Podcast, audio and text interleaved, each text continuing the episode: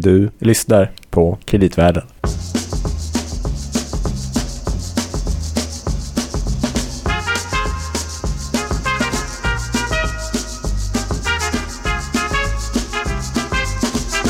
Varmt välkommen till alltså ännu ett härligt avsnitt med Kreditvärlden. Din, din fyrbåk på de finansiella marknaderna allt eftersom stormen numera hägrar sig, kanske. Louis Landeman. Och Gabriel Bergin. Det stämmer, båda på kreditanalysen på Danske Bank Markets i Stockholm. Eh, vi är nu tillbaka till vårt favoritämne i detta avsnitt efter att ha gjort lite olika avstickare. Den här negativa räntan måste man ju ta upp, vilket vi gjorde i förra avsnittet med vår chefekonom Roger Josefsson bland annat och Emil eh, som också jobbar med oss. Det, eh, lyssna gärna på det om ni är intresserade av den här upptrissade marknadsstämningen.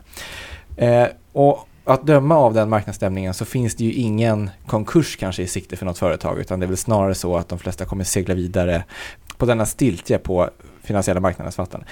Eller är det så? Om det är så att konkurserna börjar hägra sig och kanske lite företagsrekonstruktioner så har vi tänkt att vi måste prata lite mer om det här med rekonstruktioner. Just det, Så vi har med oss en, en gäst Så är det. som kan mycket mer om det här än vi. Bara för att hålla eh, spänningen uppe Mm. lite till. Vem det kan vara. Precis. Mm. Eh, Vi fick ju en, en lyssnarkommentar i förra avsnittet Förra. som vi kan eh, ta lite snabbt för jag tyckte den var väldigt bra. Mm. Den är från Tommy Fuland. Tack så mycket Tommy. Du har skickat en kommentar förut. Alltid uppskattat.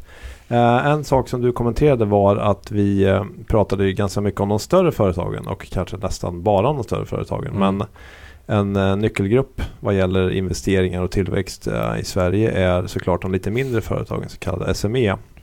Och det Tommy konstaterar är ju att eh, den här sänkningen av reporäntan kanske egentligen inte ännu har fått så stort genomslag för den här gruppen lite mindre företag. Eh, då alla räntor inte automatiskt justeras. Det beror ju på om man har rörlig ränta eller fast ränta, vilka villkor långa löptider och så vidare. Mm. Eh, vilket då kan innebära att, eh, som Tommy säger, de flesta småföretagen inte fått några räntesänkningar än och då kanske man inte har sett den här effekten. Eh, och det är ju helt riktigt. Vi, vi kommer ju egentligen inte in så mycket på det utan vi pratade om de större företagen och breddade inte diskussionen. Och där kanske vi till och med kan se vid ett senare tillfälle om vi kan återkomma i den frågan. För Mm. det är väldigt intressant och då kan man ju säga att förhoppningen är kanske att vi kanske inte har sett det fulla genomslaget än av de här lägre räntorna. Kanske kan det finnas ett lite litet ljus eh, där borta på horisonten. Mm. Vi kan få se en liten ökning. Vi får se. Sen ska man komma ihåg att räntorna har varit låga väldigt länge. Men, Ja, exakt. Så att, precis. men i alla fall de här senaste räntesänkningarna. Nej, det är helt rätt. Så. Tack Tommy. Ja, tack. Nu, Nu så. Nu har vi hållit er på halster tillräckligt länge. varmt välkommen Johan Häger. Tack så mycket. Mm. Väldigt trevligt att vara här. Ja, på advokatfirman Rocher. Det stämmer. Mm. Det stämmer. Kan vi kalla dig den ledande eller en av de ledande experterna i Sverige inom rekonstruktions och insolvensområdet? Det låter ju väldigt trevligt. Då gör vi det helt Vi får enkelt. se om folk håller med. Ja, precis. Ni kan skicka, mejla oss eller Johan direkt om Ja, ni inte precis. håller med om det här. Ja. Eh, Men det är ju bra för att det här leder oss ju då väldigt naturligt in på att prata mer kring det här väldigt spännande området. Kanske till att börja med, du kanske kan berätta lite grann vad det är du gör. Ja, precis.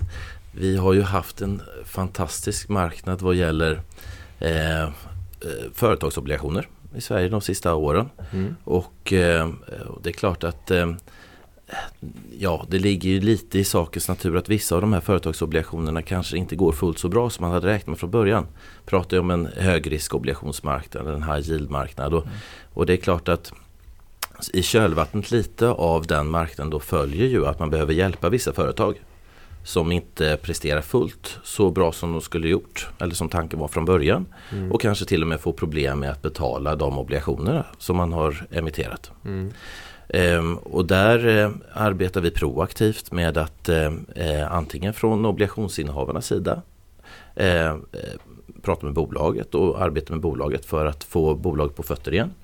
Eh, och det kan vara initiala åtgärder som att hjälpa dem att förbättra kostnadsläget i bolaget, effektivisera, eh, förbättra investeringar, titta på, hjälpa dem med affärsmodell och hjälpa dem med skuldstruktur och sådant. Och på samma sätt så arbetar vi från bolagets sida med att hjälpa bolaget med ungefär samma frågor egentligen.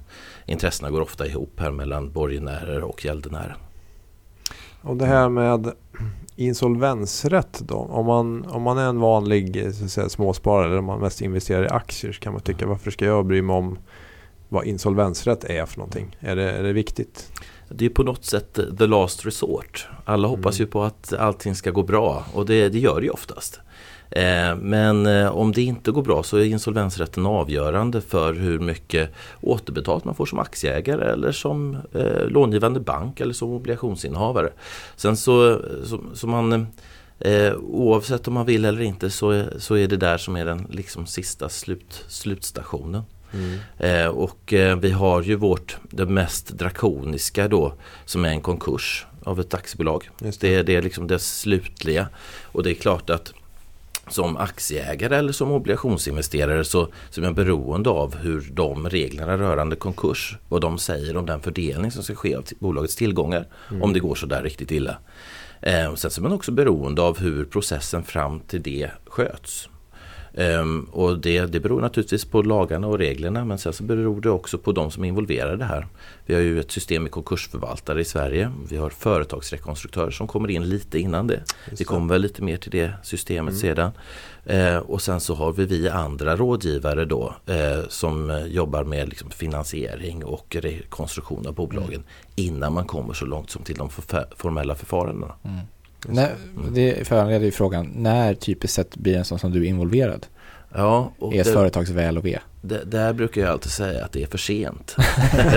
det kommer in för sent. Nej men alltså det är egentligen de absolut viktigaste aspekterna i varje, varje sånt, sånt här förfarande. Det är, det är tid, tid och tid.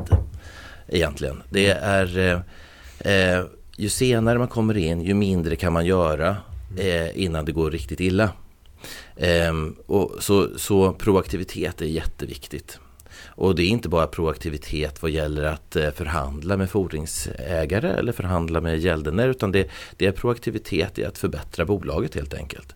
Och där arbetar vi ofta tillsammans med finansiella rådgivare och som det så populärt kallas nu för tiden så kallade Chief Restructuring Officers som då kan vara en supportfunktion i bolaget för att komma till rätta med kostnadsläge, investeringar som behöver göras och sådant för att Den- effektivisera Men verksamheten. denna Ja. person är anställd av bolaget. Nej, det är ofta en konsult. Jag kan säga, allt det här låter ju väldigt mycket som managementkonsulteri. Ja, men det, det, det är ju mycket och det, det kan man ha starka synpunkter på. Det, det är nog, eh, prata precis med vd för ett bolag som vi precis eh, är klara med. Han sa att han har ju aldrig träffat så här mycket konsulter som under den här processen. Det, det, det, det, är, det är väl på gott och ont det såklart. Mm. Och vad är det som, för, vad särskiljer då er till exempel från en sån som mer rådger bolaget i hur man ska lägga upp sin strategi och verksamhet? Så här, vad, är, vad är det som, vad gör ni?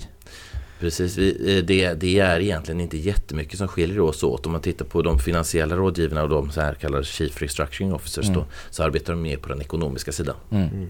Eh, Och eh, ofta ser man i de här, i de här eh, vad ska man kalla det? Kan man kalla det liksom, eh, omorganisationer eller restructuring? Eh, att eh, det är en sån här CRO inne, Chief Restructuring Off- Officer, som arbetar väldigt aktivt med eh, kostnadsläget i bolaget. Och det kan vara allt från det att eh, kanske personalkostnader är lite höga. Mm. Det kanske är så att eh, lokalkostnader är lite höga. Eh, det är kanske så att man ska sälja vissa delar av verksamheten som inte är eh, kärnverksamhet för bolaget. Sånt kan den personen göra. Och det är ofta så att när det kommer till de lite mer större penseldragen så är en finansiell rådgivare med och hjälper till. Mm.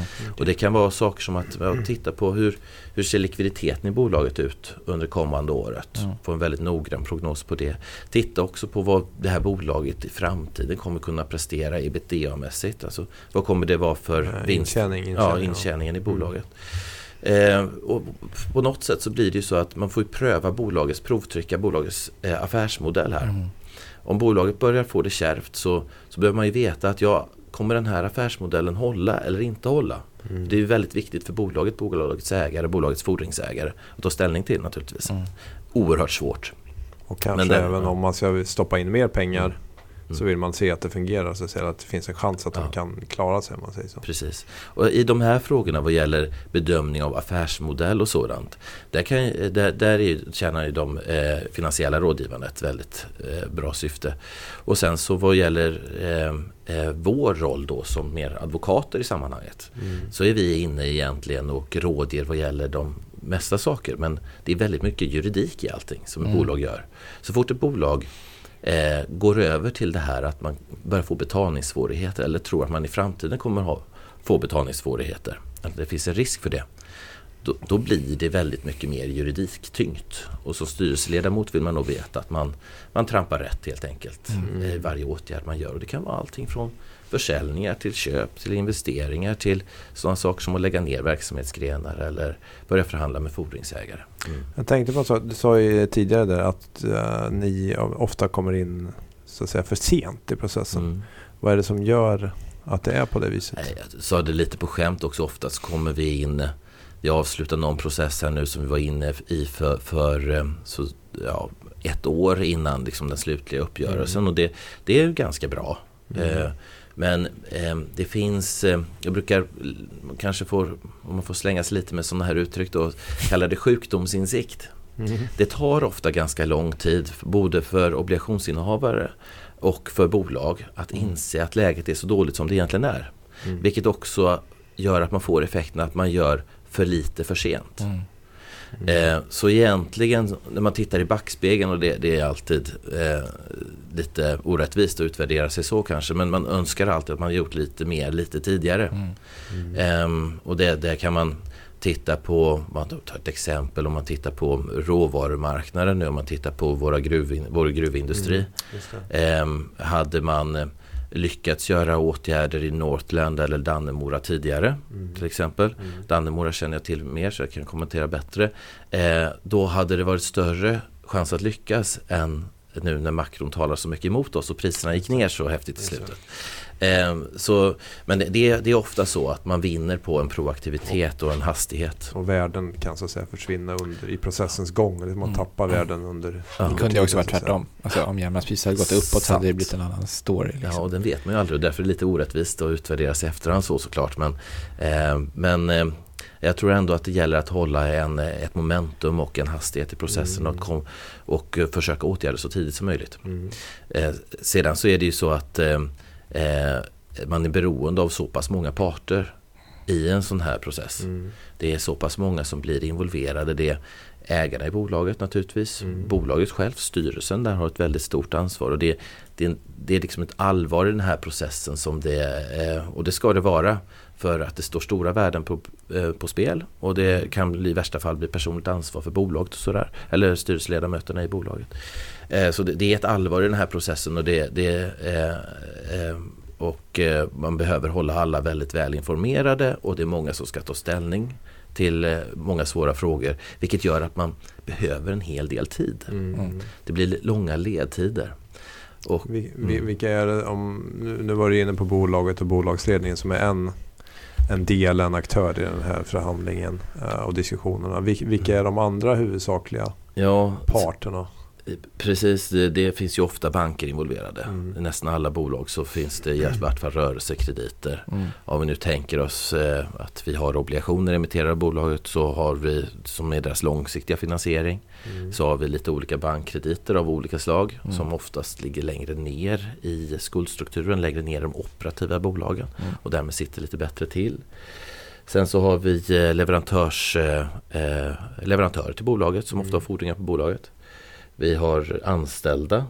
Vi har eh, eh, kanske nya investerare som kommer in i det här sammanhanget för Mm. att eh, ge likviditetsfinansiering. Mm. Och eh, ja, det är väl... De kan komma in som aktie eller obligationsinvesterare då, de nya som kommer. Eller? Precis, det är väl ett he- helt ämnesområde för sig det där om vi har vad, vi, vad, vad är anledningen egentligen till, till problemen? Mm. Och det kan ju vara så att eh, anledningen till problemen är att man behöver göra att verksamheten är tillräckligt effektiv. Man Mm. behöver göra en investering för att eh, få, upp, få upp intjäningen. Mm. Och man kanske inte har pengar till den investeringen. och då behöver man hämta in det kapitalet. Kan man göra som aktier eller som skuld. Och det, beror lite på, det beror lite på hur det ser ut. Det är inte enkelt att finansiera bolag som är under, som man brukar kalla det, finansiell stress. Och man kan säga kanske att de som att gå in med nytt, nytt, nytt kapital eller nya pengar i den situationen har rätt mycket Mm. att säga till om i förhandlingen. väldigt mycket att säga till om i förhandlingen för alla väntar ju på det kapitalet. Och i och med att ingen, egentligen ingenting kan ske eh, med någon eh, fordringshavare till bolaget eller med bolaget eller dess aktieägare innan allting sker på något sätt. Så allting hänger ihop för de nya pengarna vill inte komma in om man inte får tillräckligt bra villkor på de, de gamla skulderna. Mm. Och att aktieägarna kanske ger en- upp en del av sitt aktiekapital och sådär. Mm, mm, mm. Så det, ja. Men de nya pengarna, är det oftast helt nya investerare eller befintliga investerare som kommer in med ny, nytt kapital? Det är väl egentligen så här att ju sämre det går för bolaget ju närmare sitt eget hus måste man titta. Eh, och eh, det är ju så här att eh, går det dåligt, riktigt dåligt för bolaget så är det egentligen bara de som har en investering att rädda Mm. som är villiga att delta mer. Mm. För då kan de, då, då har man inte så att säga, vad man kan kalla det skin in the game då, Mm. så behöver man inte, då kan man ju ägna sig åt andra investeringar istället. Och man möter på något sätt det här, det är, det är inte alltid det bara räcker att ge en väldigt hög kupong, alltså en hög avkastning på skulden eller ett väldigt förmånligt aktiepris vid en emission. Mm. Utan på något sätt så blir det, eh, är risken väldigt hög i bolaget så håller sig folk där bort, Och där bortifrån. Ja. Det kan också vara så att bland så att säga, befintliga investerare kan det finnas relativt nya investerare kan jag tänka mig. Alltså om man Mm. köper till exempel en obligation på en väldigt låg kurs när problemet Mm. redan har visat sig så att säga. Mm. Då är man ju en befintlig investerare. Man finns med i skuldstrukturen men man är också ny och har en annan eh, priskänslighet. Man har kanske en helt annan agenda Ja. också. Och det, eh, det, kan ju vara, det, det kan ju vara så att eh, det kan bolaget tjäna en hel del på om eh, obligationer har bytt händer. Mycket inför en omstrukturering. För det är klart att om eh, obligationerna har handlats ner, handlat eh, väsentligt under 100% under par. Så är det kanske lättare att nå en uppgörelse Mm. från bolagets sida Mm. med de obligationsinnehavarna. För de kommer De- inte förlora så mycket pengar som om de hade köpt på par. För den förlusten är redan tagen om någon. Ja. Så, men men där, har, där finns både för och nackdelar. Sen så finns det ju alltid den här diskussionen om att det kan ju finnas någon som har investerat i skulden för att kanske få en kontrollpost också. Mm. För att man kanske vill ta över bolaget Mm. eller få ett aktieägande i bolaget. Det, det finns, det finns de, de skuldfonder som opererar på det sättet också. Vad, vad är det för liksom praktiska problem i den här ganska komplicerade processen? Då, liksom i, är, är det första problemet att få ihop alla överhuvudtaget i en förhandling? Mm. Eller hur, hur går det till? I? Ja, banker är ju lätt. De, Mm. knackar man på dörren och så får man en bra kontakt och så det finns en relation där eh, nästan alltid mellan bolag och bank. Obligationsinnehavare är ett mer anonymt kollektiv. Eh, och eh, det kan vara svårt ibland att hitta dem helt enkelt. Eh, det finns metoder för det och sätt för att hitta dem och vi har, inte, vi har inte misslyckats någon gång med det. Men det kan ta lite olika lång tid. Mm. Och man hittar ju i princip aldrig alla. Det behöver man kanske inte heller men vi har försökt göra så att vi har försökt hitta en majoritet i vart fall. Mm. Ja, det är det Eh, som behövs för att Ja, beroende på kanske. Det- man det behöver beror minst en majoritet antar jag för att kunna fatta beslut. ja, helst vill man ju lägga obligationsvillkor ser ofta ut på det sättet att vissa beslut kräver en enkel majoritet, 50 procent. Mm. Och vissa lite mer eh, tuffa beslut, om man säger så, materiella beslut kräver två tredjedelar. Som en nedskrivning eller, eller ja, eller 75-80 procent. En lite högre, Mm. högre, högre tröskel. Och det är ofta till exempel en nedskrivning av skuld eller en konvertering av skuld till eget kapital, till aktier. Eh, De, de, de, eh, den typen av beslut kräver lite högre majoritet. Men man, man, man försöker få ihop så många man kan av obligationsinvesterarna. Men, eh, och de bildar då vi försöker, eh, om vi är på obligationsinnehavarnas sida och arbetar för dem då i en sån här övning så, så försöker vi bilda en kommitté Mm. och så eh, managerar den kommittén löpande. Ehm, och hjälper dem med råd. Men, och där, där, där, får man en, eh, där kan man få en ganska tuff roll för det är inte säkert att obligationsinnehavarna blir, vill, bli, eh, vill ha all information avseende bolaget. Mm. Mycket information som man behöver ha för att ta ställning till vad man ska göra i den här Mm. processen är ju insiderinformation. Mm. Och har man som obligationsinnehavare den informationen så får man ju inte handla instrument längre. Just det.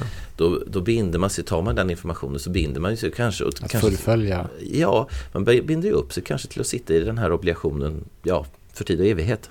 Mm. Därför finns det liksom vissa avtal och sådär vi ingår eh, med, eh, mellan bolag och obligationskommitté avseende hur länge de ska sitta eh, som insiders. Och kommittén består då av vissa, vissa av investerarna till exempel som Det här kollektivet då som kanske har nått 50% eller lite Ja. mer än det till och med. Kan ni, kan, är ni rådgivare åt både bolaget och ett investerarkollektiv eller har man oftast olika rådgivare på de olika Nej, sidorna? man behöver ha olika. Ja. Eh, det, det finns väl en praxis i Sverige, eller har funnits, det blir mer och mer ovanligt att i en obligationsemission så har bolag och den bank som hjälper till med emissionen har samma rådgivare. En så kallad deal council brukar det ofta heta. Men, och det, det kan kanske fungera när man gör en obligationsemission, ny sådär för ett bolag. Men när det är en restructuring så här så tror jag det är väldigt klokt att, eh, eh, att man har olika rådgivare, bolag och investerare. Just det. För det, det är ändå ett mot, motståndsförhållande. Mm. Och vad är sen när man då obligationsägare om man förhandlar med bolaget och aktieägare? Vad är, vad är liksom typiska problem? Har man helt olika agender eller kan alla sträva efter att man ändå vill nå Man, samma ställe? Eller? man måste ju alltid börja då att titta på vad är det egentligen vi har att komma överens om. Mm. Så man måste ta fram ett, eh, ett affärs, ett, en eh, affärsplan för bolaget Mm. och se vad bolaget har för ett business case. Eh, och titta på vad bolaget är för någonting egentligen. Vad, vad, vad kommer den här framtida intjäningen vara? Vad, eh, hur ser skuldstrukturen ut idag? Eh, hur ser balansräkningen ut? Finns något, eh, något equity value i bolaget som Mm. det ser ut eller är det helt skuldtyngt? Och man brukar ofta prata om då var värdet bryter någonstans. Ehm, om man har en struktur där aktiekapitalet ligger i toppen och sen så Mm. har man kanske obligationer efter det och sen banklån. Eh, och det kanske finns fler lager och skuld också ibland. Ehm, då, då är det så att om, om värdet så att säga bryter i obligationen Mm. då är det nog obligationsinnehavarna som kommer vara mest aktiva i den här omstruktureringen. Att man bank- ser att man kan få någonting tillbaka så att säga. Ja precis, för det är de som har mest att eh, vinna eller förlora på att man lyckas olika bra. Mm. Medan som banken sitter säkert där Mm. nere så, så behöver de kanske inte vara fullt så Så aktiva. aktiva, nej. Men kan det bli problem då i, i den situationen att till exempel aktieägarna tycker att ja, men oavsett vi kommer inte få någonting här så men man Ja, kanske ändå måste ha med dem i att de också är Ja. okej med. Ja men så kan det absolut vara att aktieägarna känner det att nej men här, vi vet ju att vi inte kommer få någonting här. Mm. Det är Utan inte oftast så. Eh, ja, eh, det det är nog eh, Det är nog ofta så att aktieägarna känner ett mycket starkt ansvar. Eh, eller mycket stort ansvar. Även om de vet att här kommer det bli en uppgörelse där vi blir Mm. väldigt marginaliserade. Så känner de ändå nog ett, ett stort ansvar för att se till att det blir så bra som möjligt. Mm. Och, och eh, rådgivare kommer i de flesta fall rådge dem att ta, ta hand om det på bästa möjliga sätt. Sen så Sen så klart att man som aktieägare kanske inte vill spendera hur mycket pengar som helst på en sån Mm. lösning då utan någonstans längs vägen så, eh, så vill man väl få till en lösning. Eh, Snarare desto bättre. Men man kan Eh. få lite grann i alla fall ofta, eller hur? Som en aktieägare. Inte så mycket men det är Ja. sällan noll, eller är det? Det finns ju lite av en marknadspraxis Mm. internationellt vad man får även om eh, det egna kapitalet är värt Mm. noll. Mm. Man kan ju titta så här, man brukar vi ofta man måste ha väldigt stor respekt för prioriteten i skuldstrukturen. Mm. Så är det så här att vi har senior bankskuld, lite mer junior obligationsskuld och sen så har Mm. vi aktieägare så måste vi behandla dem därefter egentligen. Mm. Och därför om vi kräver av obligationsinnehavarna att de ska skriva ner en stor del av sin skuld Mm. då blir det väldigt svårt att motivera att aktieägarna ska få behålla allting. Just det. För de, de aktieägarna är ju egentligen de som ska förlora pengar först. Mm. Riskkapital. Ja, får man ju säga. De, de ligger ju mest exponerade i skuldstrukturen.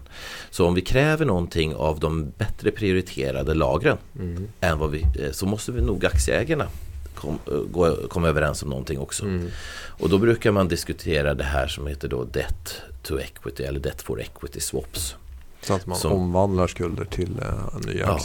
Då säger man det till obligationsinnehavarna då, eller det blir en uppgörelse mellan ägarna av bolaget och obligationsinnehavarna att ja, det här bolaget klarar inte av att bära all den här skulden. Mm. Den har 100 i skuld idag, den klarar bara att bära 70. Därför så går vi som obligationsinnehavare med på att konvertera 30% av vår skuld till en viss procent av aktierna i bolaget. Mm. Och då, då, kräver det ju då att de obligationsinnehavarna som har investerat i det här kan, kan äga aktier. Det är inte alla, alla fonder och så som kan göra det. Det finns olika sätt att hitta mm. lösningar på det. Men, men eh, eh, det där blir ofta en väldigt komplicerad förhandling såklart. Mm. Um, och det beror lite på vilka ägarna är. Eh, Eh, och är det ett eh, börsbolag så är det ofta lättare än om det är ett eh, privatägt bolag, ett familjebolag eller så. Är det private equity-ägt så är det annan dynamik i det. Så. Mm. Uh, givet att det liksom är ganska svårt antar jag att få alla att vara överens. Finns det något sätt att liksom driva fram en förhandling? Finns det någonting man kan, man kan hota med? Eller, hur, hur liksom, eller finns det, kan man locka med? Eller hur, hur, liksom? Har några hemliga knep helt enkelt? Ja, det här med... Du inte avslöja allt kanske. Men piska, piska, och, piska och morot. Jag, jag, tror ju på, jag är ju svensk, jag tror ju på konsensuslösningar. Eh, jag tror inte man når så långt med hot när det är professionella parter involverade. Nej. Det tror jag inte. Sen så vet ju alla här att eh, man står ju lite med ryggen och det är därför det är liksom tid, tid, tid här. Det är oerhört viktigt. Man står med ryggen mot väggen lite grann till slut. Ja. För likviditeten rinner ut snabbt.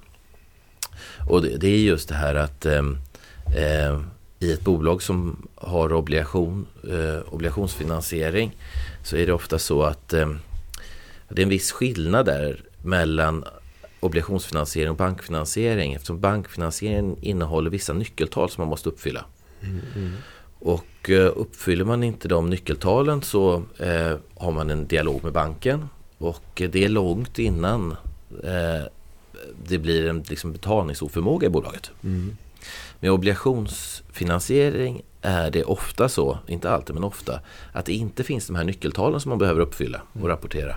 Och då, då innebär det att man om man inte är väldigt proaktiv från bolagets sida mm. eller från obligationsinnehavarnas sida så, så tas man lite på sängen. Mm. man kommer, när man väl börjar vidta åtgärder då så är bolaget i väldigt mycket sämre skick. Ja. Och har väldigt mycket sämre likviditet.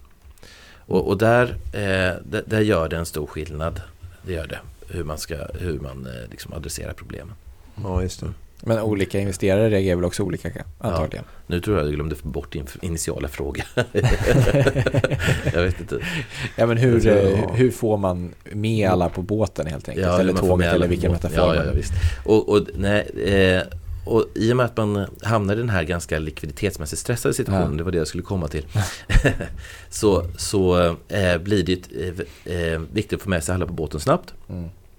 Hot är nog inte bra utan man ska samla parterna och eh, se till att alla parter är välinformerade om vad det är som kommer hända. Mm. Och sen ska man försöka hålla eh, processen så transparent som bara möjligt. Och i och med att det oftast är väldigt professionella parter involverat, mm. obligationsinnehavarna är erfarna, de har erfarna rådgivare och så vidare, så, eh, så kan man få till en bra process.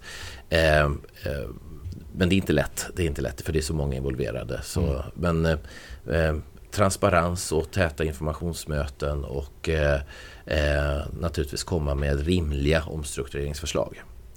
Mm. Får jag bara ta ett steg tillbaka för att förstå var vi är i processen någonstans. Mm. För att bolaget får problem mm. och då inleder man de här förhandlingarna där man kanske kontaktar er och investerar kanske också dyggt på det så att säga. Eh, men det är fortfarande allt det här är så att säga informella förhandlingar eller man är inte mm. i en sån här formell företagsrekonstruktion som man kanske har hört talas om eller är man det? Eller? Ja, det, det kan, man, man, kan vara det. Ja. Man kan vara det, men behöver inte vara det. Um, det finns ju, den, du är helt rätt att ofta så är det en, en informell process mm. utanför domstolsförfarandet alltså. Mm. Vi har egentligen Kallas väl även informell rekonstruktion? Ja, ja, precis. Informell, i dagligt tal informell rekonstruktion. Sen tar vi våra två formella insolvensförfaranden. Och det ena är det då liksom formell företagsrekonstruktion och det andra är konkurs. Mm. Um, och den här informella rekonstruktionen det är egentligen en ja, där, det, det, det är fri avtalsrätt och man, man arbetar eh, fritt i förhandlingar och så vidare. Men, men man måste alltid observera då naturligtvis både närskyddsregler och andra lagar och sådär vad gäller, vad gäller insolvens. Mm. Följa den här prioritetsordningen som du sa till exempel. Pre precis, och det där har också, förutom att det har med insolvensrätten att göra, så har det med ren man kommer inte i mål med en förhandling mellan de här parterna om man inte respekterar prioriteten ja, och ger ett rimligt förslag. Om, om jag säger det som ägare till ett bolag att eh, jag vill att ni skriver ner 50% av obligationsskulden men jag vill bara ge er 5% av equityn i bolaget. Mm. Där hamnar vi det är svårt att komma i mål med det. Mycket svårt. Mm, begår man, även om, om nu obligationsinvesterarna av någon anledning skulle gå med på det här, begår man något legalt fel eller är det något brott att göra så? Det, det behöver man inte göra, att man begår något eh, brott eller legalt fel. Det, det, behöver det inte alls vara. Mm.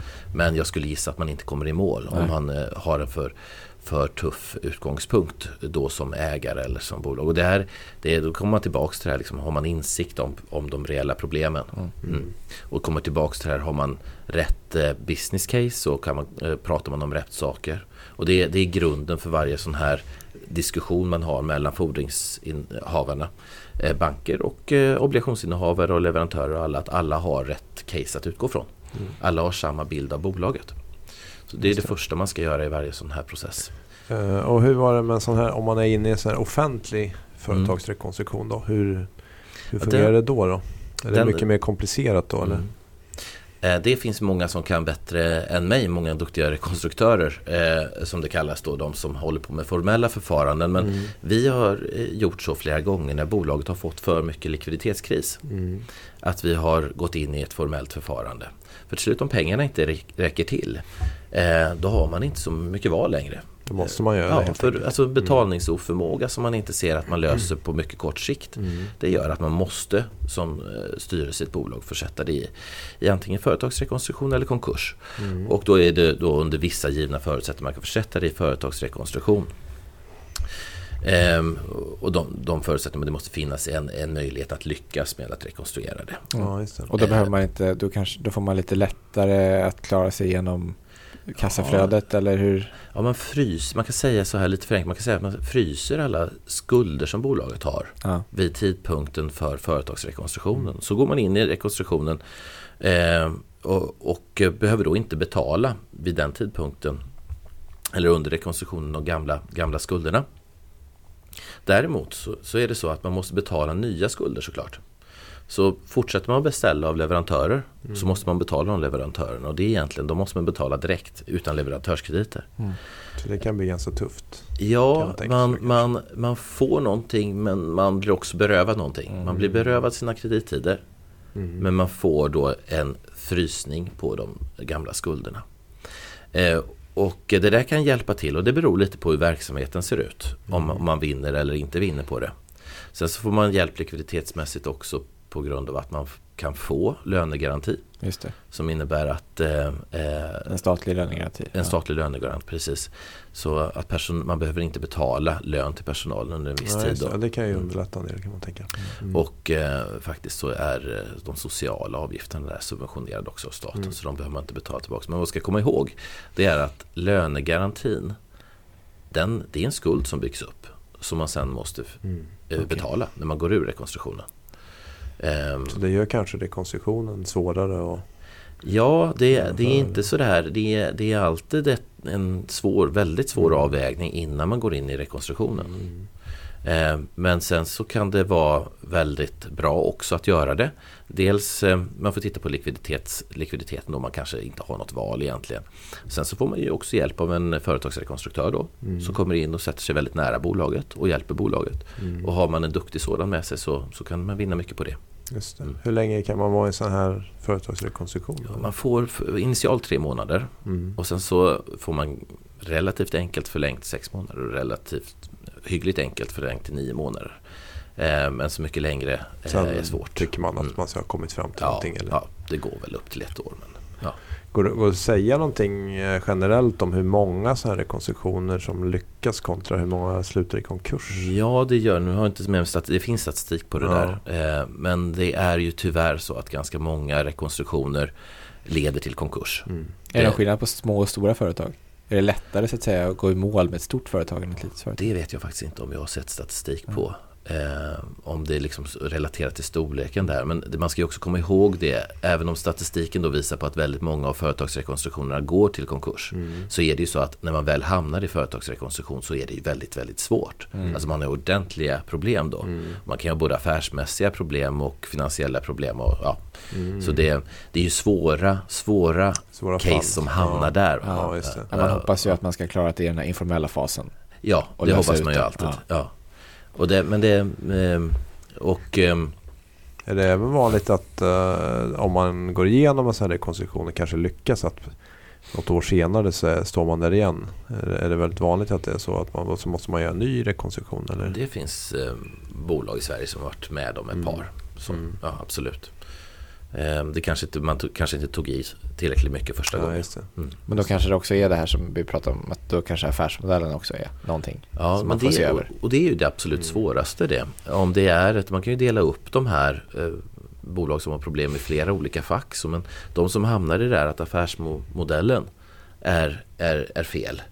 Eh, ni gjorde ett tidigare avsnitt om Phones for you. Just vet det. inte om affärsmodellen var fel men kunderna svek i vart fall. Ja. Alltså ett operativt problem var det ju. Mm. Det hade ju inte bara att göra med finansiella frågor. Nej. Egentligen de lättaste fallen att lösa är ju de som mer är bara finansiellt inriktade. Mm, alltså är för hög skuldsättningsnivå i bolaget. Mm. Det blir väldigt tråkigt för borgenärerna för man behöver eh, eh, re- reducera skulden i kapitalstrukturen eh, för att bolag ska överleva. Så det blir tråkigt på det sättet. Men det är generellt sett lättare. Just det. Det är det. Mm. Går det att säga något om, vi har ju pratat väldigt mycket om hur det fungerar i Sverige, men jag tänkte vårt system som det ser ut idag för att lösa sådana här kontra i andra länder, är det, skiljer det sig mycket åt? Går det att säga, kan man säga någonting om är det bättre eller sämre eller hur, hur ser du på den saken? Ja, det, är, det är klart det är stora skillnader. Man brukar prata om, lite så här juridiskt brukar man Mm. prata om eh, eh, borgenärsvänliga och gäldenärsvänliga jurisdiktioner. Eh, och det finns till och med kartor inritade där med olika färger. Okej, ja, det har jag inte sett. Det får vi. Får skicka över det som Ja, karta. det måste vi se. Eh, att, eh, där man markerat då vilka jurisdiktioner som är borgenärsvänliga och vilka som är gäldenärsvänliga. Okej, ja. Vi, vi, kan säga, vi lägger också upp det här på vår eh, hemsida kreditvärden.se så kan ni gå in och titta på den nu Ja. medan Jo- Johan pratar om det. Bra. och eh, eh, där är Sverige eh, bedömt som en eh, eh, borgenärsvänlig jurisdiktion. Är det bra då om man är obligationsägare? Hur man ska man se på det? Ja, om man är obligationsägare så är det bra. Om man Mhm. är då bolag så är det lite mindre bra då. Okej, Mm. ja. Men- Aktieägare? Eh, ja, det får man lägga i facket för bolag då. Ja, just det. Mm. Eftersom de trots att det är ägare till det. Som. Mm. Och, eh, eh, men här, här är det naturligtvis, det blir intressant först när man börjar titta på nyanserna. Mm. Och det är klart att vi har inte, vi kan inte säga att vi har det mest sofistikerade systemet i världen. Det kan vi inte säga. Men vi har ett helt okej system. Och vi, vi har det här freedom of contract. Vi kan göra ganska mycket i en informell process. Mm. Vi har då dock vissa saker som inte är ultimata. Vi kan inte eh, det finns i andra, i England har sitt scheme of arrangements, USA har sitt chapter 11 och så vidare. eh, Som innebär att man har mer möjligheter bland annat att göra saker på aktiesidan. Eh, som vi var inne på förut, att det här med att man ska respektera prioriteten i kapitalstrukturen. så, så är, är, är det så att eh, eh, man hade kanske ibland velat kunna göra så speciellt i bolag som är noter, har noterade aktier. Mm. Att man kan tvångskonvertera aktier Mm. för att hitta en lösning med de som har lån till bolaget. Ja, okej. Alltså, eller tvångs, alltså, eh, reducera deras aktiekapital för för, till förmån för de som har, har eh, lån i bolaget. Ja. Och sen Det kan man ju en, inte göra. En Ja. tvingande debt to equity swap på något sätt. Ja, precis. I, och här, är det visst, när man pratar med eh, eh, amerikanare och sådär så tycker de ju att men vänta nu, behöver vi alltså få godkännande från en bolagsstämma i bolaget Mm.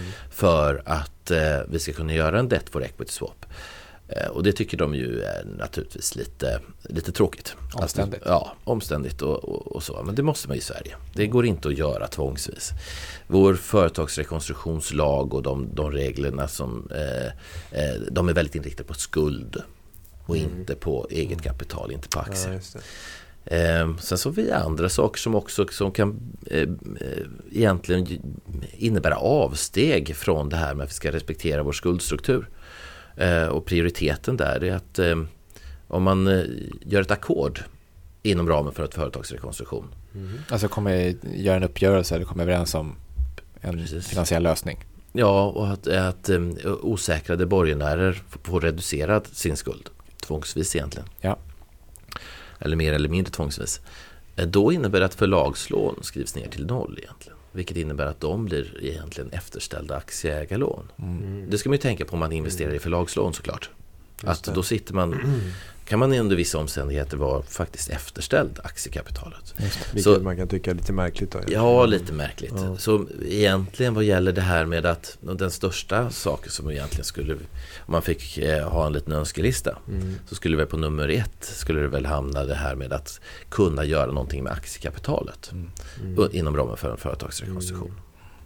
Och det här med i vissa sammanhang ibland kan man se liksom att det här med Chapter 11 verkar hyllas lite grann. Så är det Mm. Är det fantastiskt hur de har i USA eller?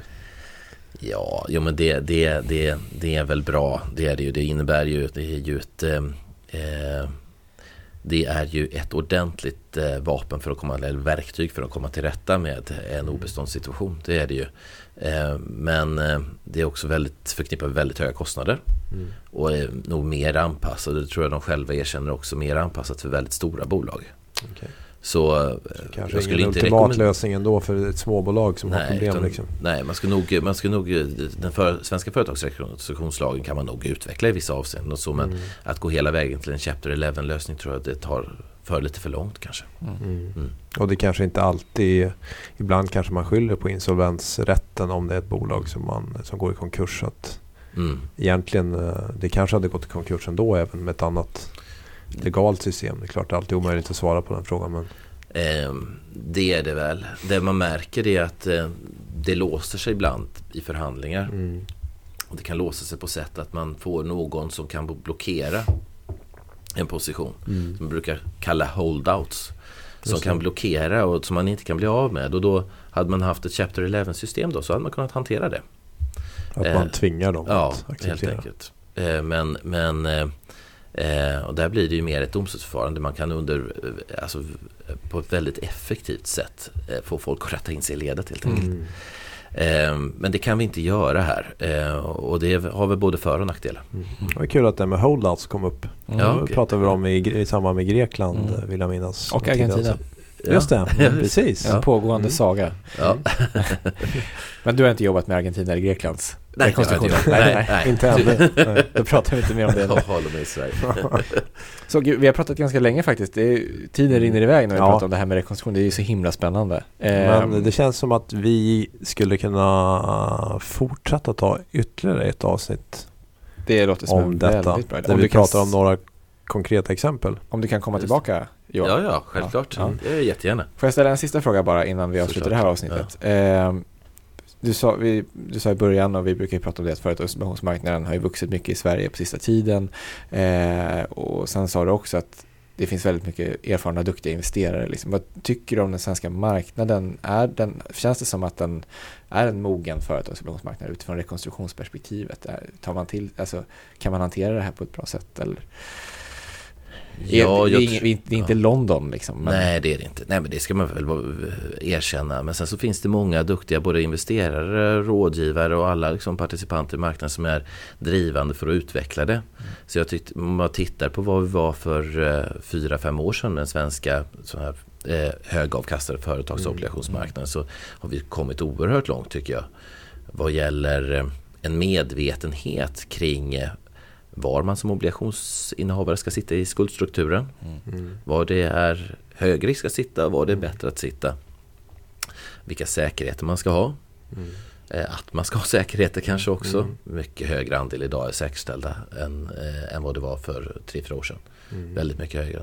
Och äh, äh, jag tycker även vad, förutom det här skuldstruktur, säkerhetsstruktur och så som är väldigt, det är nyckel, nyckelfrågor verkligen. Vi kommer kan vi kanske komma tillbaka till det men eh, så, så har vi eh, kommit väldigt mycket längre med de eh, med marknadsföringsmaterialet. De disclosures som eh, den presentation av bolagen som görs till marknaden. Riskinformation. Mm. Ja, riskinformationen och beskrivningen av det. Att det, det är eh, nu eh, oftast en riktigt bra beskrivning av vad det här är för risker med bolaget. Mm. Så tar man sig tid att titta igenom det information memorandum eller prospekt eller så som mm. går ut i samband med det. Eh, så får man ofta en väldigt bra bild av vilka risker det involverar. Mm. Bra. Det känns betryggande. Ja. Går åt rätt håll kan man väl säga. Ja, vi får fortsätta. Mm. Tack så mycket Johan. Vi får som sagt... Eh, eh en liten eh, cliffhanger här då till nästa avsnitt om de här spännande exemplen som ja, vi ska prata om. det kommer bli otroligt Det ser jag intressant. fram emot. Mm. Eh, ett par av de namn som vi faktiskt har hört i det här avsnittet kommer vi faktiskt ta upp Jaha. i det här nästa. Kul. Mm. Eh, men då hörs vi igen bara om någon vecka med mer från Johan om det spännande rekonstruktionens ämnet. Mm. Tack, tack för idag. Tack Johan. Tack så mycket. Tack. Hej.